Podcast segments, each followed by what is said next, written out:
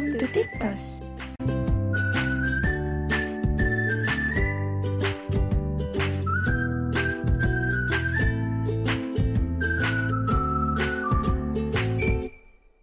Oke, hey, hey, hey, Akang dan Teteh semuanya ketemu lagi nih di Tiptos episode ke-7.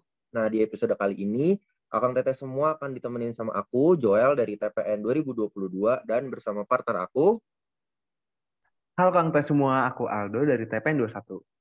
Kenalan sama hostnya udah, mungkin langsung lanjut aja nih Kang. Oke, kita lanjut ya. Nah, di episode Tiptos kali ini kita udah kedatangan tamu, satu teteh cantik dari Warta Kema Unpad nih. Halo Teh. Halo Teh, Halo, gimana Teh kabarnya Teh? kabarnya alhamdulillah baik lagi ya gitulah mahasiswa akhir biasa. baik baik. Ah, So far. Alhamdulillah baik ya. Ya, Nah, oke kalau gitu boleh nih eh, aku dan Kang Aldo mempersilahkan Teteh untuk sedikit perkenalan dulu. Mangga Teh.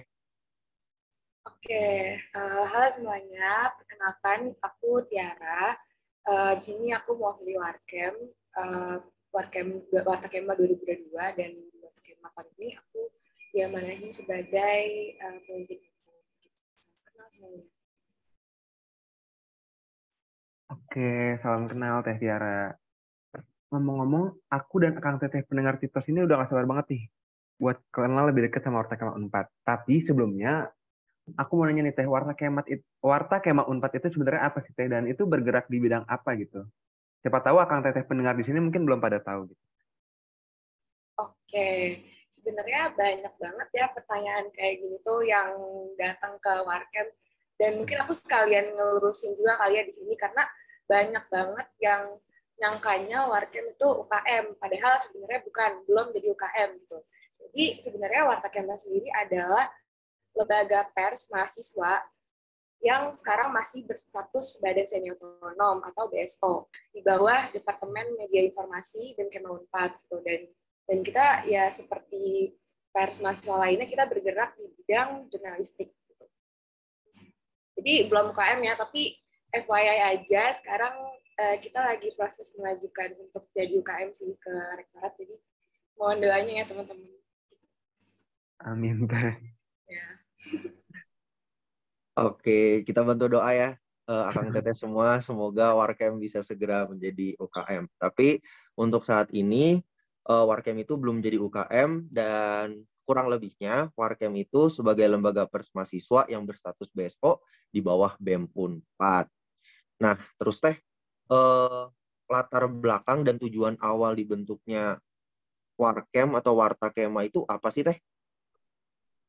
Oke, kalau simpelnya ya, kenapa Warkem itu dibentuk ya karena eh, universitas pasti butuh suatu lembaga pers yang bisa eh, meliput kegiatan mahasiswa Unpad, isu kampus, rektorat Unpad, dan hal-hal yang eh, sekiranya berkaitan dengan mahasiswa, mahasiswa Unpad gitu, atau mahasiswa in general aja sih. Dan kayak eh, mungkin kayak visi-visi Warkem juga kali ya, kayak terdepan dalam memberi kabar, berimbang dalam memberitakan, dan uh, mencerdaskan sivitas akademika universitas pelajaran. Jadi intinya ya kita pengen memenuhi kepentingan publik sih. Jadi uh, apa sih informasi yang dibutuhkan sama uh, sama Kema Unpad uh, terkait uh, Unpad gitu. Misalkan kayak informasi tentang UKT atau politik kampus dan sebagainya. Gitu.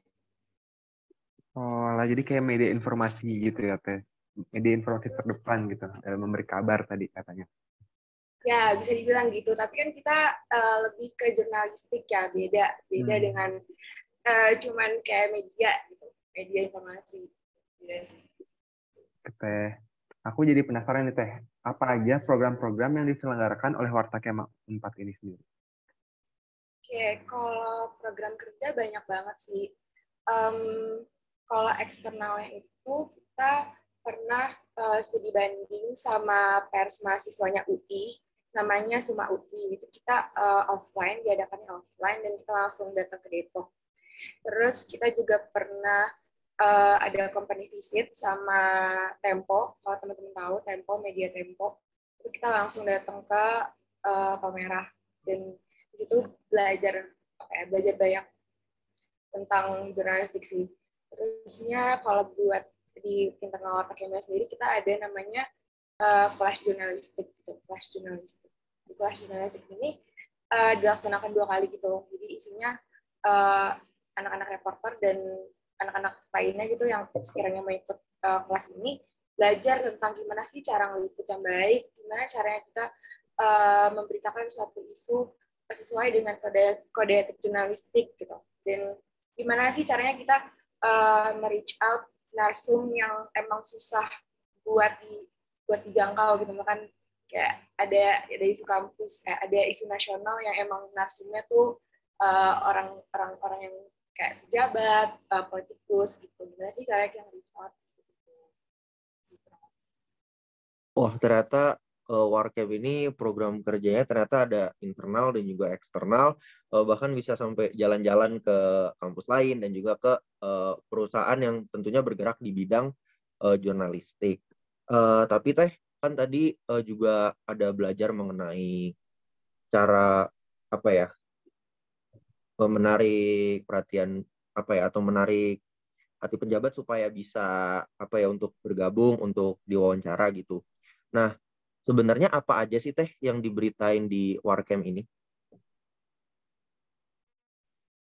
Sebenarnya banyak yang kita beritain mulai dari isu kampus, politik kampus, uh, isu, isu nasional pun juga kita kita liput gitu. Tapi um, kalau yang akhir-akhir ini mungkin teman-teman juga uh, aware ya, mungkin uh, di kampus kan sekarang lagi lagi apa ya lagi panas-panasnya tentang uh, calon calon eh, paslon uh, ketua dan wakil ketua BMKMA yang yang apa namanya yang mundur gitu dari pendaftaran. Itu kita ngeliput dan waktu itu kan mereka maksudnya uh, maksudnya uh, pejabat kampus ya istilahnya kayak pejabat kampus kan. Gimana cara kita hmm. Kita mereach out mereka ya waktu itu sih kebetulan karena kita datang ke apa namanya ke Musma eh ke Musma ke uji publik dua uji publik dua. Nah kebetulan uh, pas udah akhir acara itu ternyata paslonnya itu datang tuh berdua. Jadi di situ kita approach uh, dengan baik. Gitu kita kita minta izin dulu apakah boleh diwawancara apakah boleh untuk di record gitu. Apakah boleh untuk kita publish di artikel kita di sosial media kita gitu. Kita pokoknya pertamanya uh, minta persetujuan dari mereka dulu baru hmm. kalau misalnya oke baru kita bisa wawancara Wah, oke okay. iya aku juga baca tuh kemarin yang 700 iya. peserta hadir di musyawarah besar itu ya. Terus aku baca-baca yeah. menarik banget sih teh. Soalnya kan aku kan nggak hadir kan juga di musyawarah besar itu, tapi aku jadi tetap bisa ngerti itu acaranya ngapain aja, yang ada meme di Jidox-nya gitu. Iya. Wah, menarik ya, Teh. Uh, jadi bukan cuma apa asal-asalan minta izin, tapi seperti tadi Teteh bilang, uh, sesuai juga harus sesuai dengan kode etik jurnalistik. Nah, karena terlalu menarik, kayaknya boleh nggak sih teh di spill uh, divisinya tuh ada apa aja sih teh di Warta Kema ini dan juga mungkin struktur organisasi yang mungkin dari ketuanya, wakilnya dan lain sebagainya. Oke, mungkin kalau di Warta Kema uh, mirip-mirip ya sama teman-teman BEM dan IMA, kita nyebutnya departemen gitu, bukan divisi. Um, jadi kalau di Warta Kema sendiri mungkin aku metainya dua bidang gitu ya, dua bidang gede gitu. Yang pertama ada bidang redaksi dan non redaksi atau organisasi lah istilah istilahnya gitu. Kalau redaksi itu uh, dipimpin oleh pemimpin redaksi dan dia di bawah pemimpin redaksi itu ada namanya redaktur pelaksana redaktur pelaksana itu kalau teman-teman lihat biasanya tuh uh, yang suka menyunting atau mengedit uh, artikel-artikel dari Watakema. Misalkan kalau kalian lihat kreditnya tuh di Instagram ada tuh misalkan editor, uh, misalkan namanya Syah. Nah itu redaktur pelaksana tuh. Kemudian di bawah redaktur pelaksana itu ada uh, namanya koordinator liputan. Koordinator liputan itu semacam sebutannya mungkin kayak kepala departemen ya. Nah, uh, cuman kalau koordinator kita nyebutnya koordinator liputan dan di bawah koordinator liputan itu ada staff-staff reporternya jadi ya langsung staff Nah, tapi yang baru di tahun ini itu kita ada namanya International Reporter.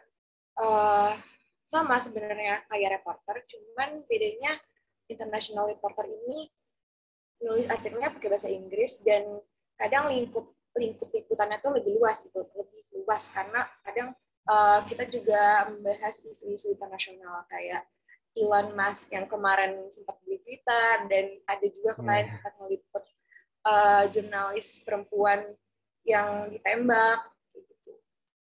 lebih lebih luas aja lingkupannya dan pakai bahasa Inggris aja gitu bedanya gitu. terus kalau yang non uh, redaksi atau organisasi itu langsung dipimpin sama aku pemimpin umum dan di bawah pemimpin umum ada sekretaris ada bendahara kemudian ada manajer kreatif ada manajer internal dan ada manajer eksternal uh, di bawahnya manajer kreatif itu ada namanya uh, departemen desain. Uh, kalau teman-teman lihat, uh, mungkin first impression Warcam tuh biasanya orang-orang nih kalau ngomong ke aku, ini Warcam uh, desainnya lucu banget. Nah itu itu uh, departemen desain yang mendesain hmm. segala desain cetak, desain digital itu departemen desain. Terus uh, ada juga namanya departemen fotografi itu biasanya yang potret artikel di Warcam atau kalau teman-teman juga lihat ada di Instagram namanya foto stories itu kayak kumpulan foto-foto gitu.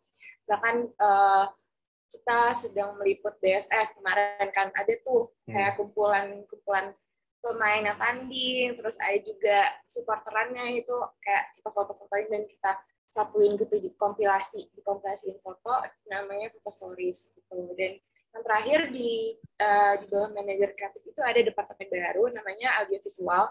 Uh, kurang lebih produk jurnalistiknya itu ada podcast, terus ada video YouTube juga. Pokoknya segala hal yang berbau uh, video dan audio sih. Tuh. Terus kalau di bawahnya manajer internal itu ada PSDM, ada Litbang atau penelitian dan pengembangan, sama ada uh, fundraising. Nah, fundraising ini juga departemen baru di Warta Kema, baru ada tahun ini. Ya tujuannya buat buat nyari cuan aja sih intinya buat karena pasti semua organisasi semua lembaga kemahasiswaan mana pun pasti butuh uang jadi begitu juga dengan dengan Warcam gitu dan ya dan kalau di bawahnya manajer eksternal itu ada humas Nah, kalau humas, uh, kalau mau ada kerjasama apa pun terkait dengan Warkam itu bisa ke humas. Terus yang tadi company visit juga sama humas dan Stuban juga itu diurusin sama humas. Terus ada media publikasi, itu biasanya mereka yang ngurus manajemen sosial media yang Warkam, uh, yang ningkatin engagement dari sosial media Warkam itu media publikasi. Terus yang terakhir ada informasi dan teknologi. Itu uh, departemen yang ini sih manajemen website gitu karena uh, waktu awal tahun ini sebenarnya website Warken itu sempat sempat hilang gitu kan sempat hilang dan kemarin itu akhirnya kita uh, coba perbaiki sama teman-teman dari IT dan mereka bisa gitu dan mereka selain selain ngurusin kerusakan tadi mereka juga kayak ngedesain website terus kalau misalkan ada uh, problem dalam websitenya itu juga mereka kadang suka melakukan maintenance. Jadi kadang website Warcam itu belum bisa dibuka gitu dalam beberapa waktu gitu. Itu sih menarik banget ya tadi ada divisi redaksi, terus ada eh, ada bagian redaksi, terus ada bagian non redaksi juga, terus di bawah itu juga masih banyak divisi-divisinya dan uh, banyak divisi-divisi yang kayak nah yang jarang aku dengar gitu biasanya di kalau di organisasi atau di kepanitiaan biasa tuh kayak nggak ada tapi kalau di Warcam ini ada gitu jadi kayak jadi lebih menarik gitu teh. Aku jadi mau daftar nih, tapi ada nggak sih teh syarat atau tahap seleksinya gitu ya kalau mau daftar di Warta Kema ini? Kenapa, kenapa syarat ya? Syarat atau tahap seleksi gitu teh? Oke. Kalau syarat sejujurnya enggak. Kalau di terutama di tahun ini ya, kalau di Warta Kema tahun ini hmm. sejujurnya kita enggak meribet enggak meribetkan gitu sih kayak ya kalau mau daftar daftar aja kita nggak menutup kemungkinan dari angkatan mana juga gitu selama masih menjadi mahasiswa aktif unpad itu boleh daftar terus kalau tips and triknya menurut aku jadi diri sendiri aja sih. Kayak misalkan nih nanti kan ada pasti ada sesi wawancara kan kita. Misalkan uh, ada teman-teman di sini yang belum pernah join warta kema dan mau jadi staff nih misalkan pasti harus melalui wawancara dulu kan. Nah, kalau di wawancara itu kalau jujur aku sendiri ya aku sendiri mungkin teman-teman dari warta kema lain juga sama kayak aku aku lihat dulu uh, mereka tuh kalau jawab pertanyaannya antusias ya sih kayak tone suaranya cara mereka menjawab uh, pertanyaannya itu akurat uh, akurat atau enggak sih? Kayak mereka tuh ngejelasin pertanyaannya menjawab pertanyaannya atau enggak nggak sih? Kan biasanya kayak ada orang tuh yang kalau jawab pertanyaan nggak tepat sama pertanyaannya jadi malah ngomongin yang lain gitu. Gitu. Dan kalau apa ya kalau wawancara tuh kalau misalkan wawancara kan biasanya uh, mereka tuh nunjukin apa sih yang lo mau offer ke ke company-nya. Sama juga kayak Warcam gitu. Apa sih yang mau kamu kasih ke Warcam gitu. Nah, biasanya aku ngeliat juga gimana cara mereka merepresentasikan diri sendiri, apakah uh, bagus atau masih kurang atau too much. Maksudnya kayak too much tuh kadang bragging, bragging self branding diri sendiri, tapi menurut aku kayak too much gitu. Aku uh, kalau aku iya. pribadi kurang suka sih. Mungkin ya intinya uh, be yourself aja, walaupun belum punya pengalaman dalam bidang jurnalistik nggak apa-apa banget karena semua orang juga pasti belum pernah ngasih maksudnya kayak kita semua belajar gitu jadi menurut aku ya just be yourself mau komitmen sama uh, mau tanggung jawab aja sih dan mau belajar Wah, makasih Teh buat tips and triknya. Uh, dan juga buat Akang Teteh yang lagi dengerin ini boleh langsung dicatat aja tips and trik dari Teh Tiara. Dan informasinya sangat penting berasal dapat dari orang dalam karena emang eh tiaranya emang orang dalam warkem ya. Iya bener banget tuh Kang. Tadi aku lihat ada apa sih uh, Teh Tiara tuh ngeliat dari pertanyaan gimana jawabnya, terus juga ton suaranya mungkin kalau buat yang mau wawancara warteg ini mungkin harus lebih ceria lagi nih ton suaranya, jangan yang datar-datar gitu. Terus juga tadi ada cara jawab pertanyaannya, cara jelasinnya. Kalau kadang-kadang tadi ada yang apa? Yang jawab tapi nggak sesuai sama pertanyaannya, terus juga branding dirinya too much atau ya gitu deh. Pokoknya intinya mau berkomitmen dan bertanggung jawab. Ya Kang Joel tadi katanya. Betul betul. Eh tapi aku mau nanya lagi dong. Uh, setelah tadi udah dijelasin uh, tentang struktur organisasinya terus program kerja program kerjanya uh, mungkin Teteh juga boleh kasih tahu nih ke Kang Teteh pendengar dan juga ke aku dan juga Kang Aldo. Uh, mungkin pencapaian atau prestasi yang telah dicapai oleh Warkem Unpad Teh? Biar mungkin makin banyak nih Akang Teteh yang tertarik untuk daftar di Warkem. Silakan Teh. Hmm, apa ya? Kalau menurut aku pencapaian pencapaian itu nggak harus sesuatu yang gede sih. Menurut aku kalau pencapaian Warkem uh, kita masih bisa produktif sampai saat ini dan nggak dan masih bisa uh, merilis artikel yang yang bisa memenuhi kepentingan Kemau itu udah udah satu pencapaian sih menurut aku gitu. Karena kan banyak ya persma di luar sana yang yang dicabut uh, dicabut organisasinya nggak bisa ngeliput lagi. Menurut aku itu suatu pencapaian dan sampai saat ini Warkem masih utuh itu anggotanya uh, walaupun sempat ada ya masalah internal pasti banyak ya walaupun banyak masalah internal dalam selama kita kepengurusan tahun ini cuman uh, menurut aku itu satu satu pencapaian sih itu kayak kalau prestasi kayak lomba atau apa gitu sebenarnya kita kita nggak ada sih menurut aku itu sih nggak tahu Oke, teh. Jadi katanya masih bisa produktif itu udah merupakan prestasi nah. juga. Masih bisa berilis artikel-artikel banyak aku lihat tadi di websitenya juga ya. Iya, kayaknya nggak sih bener banget ya aku jadi langsung tertarik nih mau daftar ya, tapi dong. besok bisa nggak teh aku mau daftar tapi sabar ya tahun depan tahun depan tahun depan emang bisa Iya bentar lagi tuh Miss. Emangnya biasanya Warta Kema ini untuk oprek sendiri bulan-bulan apa gitu teh biasanya? Atau um, gimana?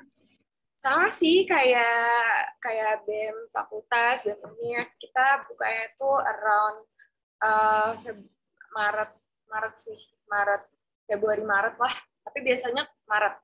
Kalau buat staff ya. Kalau misalkan uh, kalian mau ikut jadi kepala departemen itu bisa banget. Biasanya Februari gitu. Kalau teman-teman di sini yang lagi dengerin mau jadi inti besarnya Warkem nih tahun depan oh bisa banget. Nanti ada opreknya kok. Biasa okay. Februari Maret lah Oke, aku catat data Februari soalnya aku mau jadi kepala departemen aja deh langsung. Bisa nggak teh kalau langsung dari kepala departemen gitu? Kalau kualifikasinya bagus ya boleh banget. Oh. Nggak ada yang menurut kemungkinan nggak bisa gitu kalau di Warkem. Tuh kan, boleh nih teman-teman yang lagi dengerin nih langsung aja lah daftar jadi kepala departemen. kan bisa langsung juga. Terus uh, aku juga ada satu pertanyaan menarik nih teh kan Teh Tiara ini kan udah jadi bagian dari Warta Kema kan udah cukup lama. Nah, ada nggak sih pengal apa aja pengalaman yang menarik dan berkesan nih buat Teteh selama jadi selama di Warta Kema ini? Yang berkesan kalau menurut aku sendiri, kalau aku personally ya, kalau apa ya, kan aku jawab kalau aku personally. Iya nggak apa-apa. Uh, aku di Warkem itu jadi bisa jadi dituntut untuk gimana caranya mengelola emosi dengan baik gitu gimana caranya nggak gampang marah nggak gampang marah sama staff atau sama uh, kadep atau ya kadep kadep yang emang sering hilang-hilangan atau uh, kurang komitmen gitu-gitu. Gimana caranya kita bisa mengolah emosi? Gimana caranya kita menyampaikan perasaan kita dengan baik tanpa koar-koar gitu loh? Gimana caranya kita bisa mengeval orang? Kayak istilahnya kan kalau eval tuh kayak kita nge-point out kesalahan orang gitu kan. Apa sih lo yang salah tuh gini gini gitu. gimana caranya aku tuh uh, ngerangkai kata-kata untuk nge-point out kesalahan orang tuh dengan baik gitu. Sebisa mungkin aku nggak terlalu menyakiti orang lain gitu gitu. Itu sih. Dan di Warcamp juga jadi lebih banyak kenal sama orang dari uh, beragam fakultas. Karena kan Warcamp kan satu unit ya.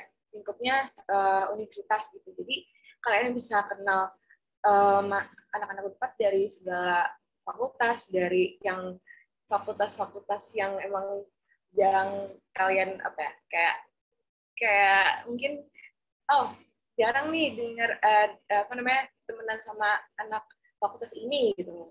Kira di Warkem ada kayak gitu sih jadi tahu juga jadi kayak bisa apa ya bisa nambah-nambah pengetahuan juga kayak di fakultasnya kalian belajar apa sih gitu gitu Wah, oke okay. tuh teh. Kayak paket lengkap selain pengalaman berkesan juga benefit nih ikut dari apa? Warcamp Unpad nih. Mungkin uh, bisa juga untuk menjalin uh, relasi yang baik juga dengan teman-teman di luar fakultas kita sendiri. Mungkin juga uh, sebagai tempat untuk cari jodoh mungkin bisa ya teh. Mungkin kang Aldo ya, mungkin mau cari jodoh bener. nih. Wah bener banget kang Jol tahu aja aku mau daftar warteg kema tuh mau nyari jodoh juga teh kalian. Siapa tahu ada. Eh benar tapi beneran serius real guys. Jadi uh, ada ada beberapa yang cinlok gitu di warkem tapi ini beneran real guys. Jadi kalau kalian mau cari jodoh ya uh, daftar warkem ke depan. Wah jujur Jujur menarik banget sih. Ini tujuan aku join ke panitian organisasi selama ini loh, Teh. Gitu Yoi. Sudah fix Februari daftar. Nanti aku cekin ig tiap hari buat opreknya, Teh. Oke deh, mungkin lanjut ke pertanyaan terakhir nih, Teh. Buat Akang Tete yang lagi dengerin dan mungkin masih ragu nih buat daftar, boleh nih Teh langsung spill aja. Apa aja sih benefit yang didapatkan jika mendaftar atau bergabung dengan Warta Kema empat. Selain yang udah disebutin tadi mungkin ada benefit-benefit lainnya. Oke okay, mungkin uh, kayak organisasi di kampus pada umumnya selain buat nambah relasi kalau di Warcamp sendiri mungkin yang ngebedain ya. Apalagi terutama kalau kalian masuknya itu ke ke departemen uh, ke reporter gitu ke bidang redaksian. Pasti kan kalian di sana uh, belajar gimana caranya nulis berita, gimana caranya wawancara, sama uh, gimana cara wawancara yang baik, gimana caranya uh, brainstorming, diskusi suatu isu sama anak-anak reporter lainnya gitu sih. Karena kan uh, apa ya? Karena kan itu butuh butuh skill khusus ya buat bisa nulis, buat ngerti uh, PUEBI, EYD dan uh, bidang dan rincian penulisan lainnya gitu dan sebenarnya nggak harus masuk reporter juga sih sebenarnya kayak misalkan ada teman-teman yang mau masuk kayak departemen kayak humas atau uh, media publikasi gitu. Itu juga bisa banget kayak ikutan kelas jurnalistik yang tadi aku bilang kayak sekalian di situ belajar gimana sih caranya nulis berita yang baik yang mungkin bisa bisa mengakomodir kepentingan publik gitu. Wah, banyak banget ya Teh ternyata benefitnya. Selain juga mungkin itu poin plus ya untuk cari jodoh tadi. Tapi emang kita mungkin emang poin plus aslinya untuk belajar jurnalistik, untuk belajar uh, apa etika juga dari jurnalistik itu sendiri karena tentunya menjadi seorang jurnalis itu nggak bisa asal-asalan dan kita bisa belajar itu di Parkem Unpad. Ya bener banget nih. Tapi nih nggak kerasa nih Kang Joel. Ternyata kita udah menggali banyak banget informasi tentang Parkem Unpad bareng Teh Andi Tiara nih. Ya nih Kang, udah nggak kerasa banget ya waktunya berlalu dan kita udah ada di penghujung podcast Tiptos episode ketujuh ini.